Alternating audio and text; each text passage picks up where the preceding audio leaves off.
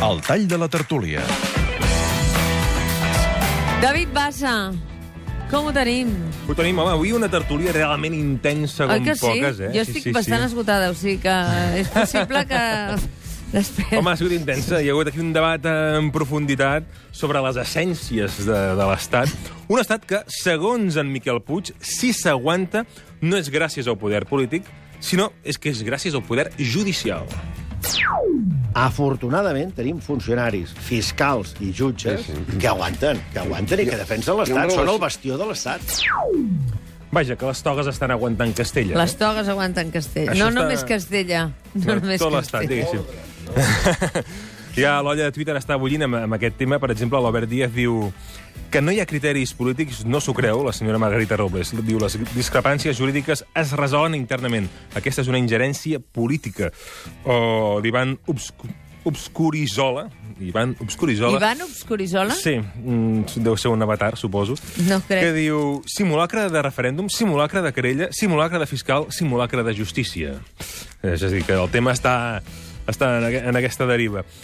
Però, parlant de la justícia, l'Elisenda Pelosia ha explicat que quan viatges, cada cop hi ha més gent d'arreu del món que no entén la reacció de Castella al procés català. La reacció del govern això- espanyol això és és la- difícil d'entendre per ments racionals, eh? Però en Ramon ha dit eh, per màquines, perquè els que no ho entenen no són totes les menys racionals, sinó més aviat les menys anglosaxones, perquè les menys francòfones pensarien bastant el mateix que les castellanes, que consideren que... Ai. Eh, Els catalans sou un, una gent particular que pot vota- votar la independència sense risc, perquè la voteu estan convençuts de que no la tindreu. És, és el que pensen a París i a Madrid, diguéssim, eh? Però aquí la Maria Jesús Parades, la tertuliana puntual d'avui, ha saltat de seguida dient que ja s'ho trobaran, que això, això està avançant. Sí, sí. I en Salvador Cardús hi ha afegit, atenció, que quan s'ho trobin, mm, que vigilin perquè cauran amb una depressió de trac i mocador. La nostra independència el primer que provocarà és una crisi profunda a Espanya a l'hora d'imaginar-se com són, és a dir, s'hauran de repensar profundament. I hi ha hagut també a la tertúlia d'avui un debat molt encès sobre el calendari post-N, quants vots calen per guanyar un referèndum, Sí. quin serà el paper de Podem... Reconec Vaja. que he, he estat incapaç de frenar-ho, David. Sí, no, no. He, he estat però ha estat interessant, no? no? Ha estat molt interessant. no... S'han dit moltes I ara, coses. últim hora, han arribat a la llista única, no t'ho explico. No, no, sí, sí, en Salvador diguéssim, ha fet una nova demostració del seu optimisme imbatible.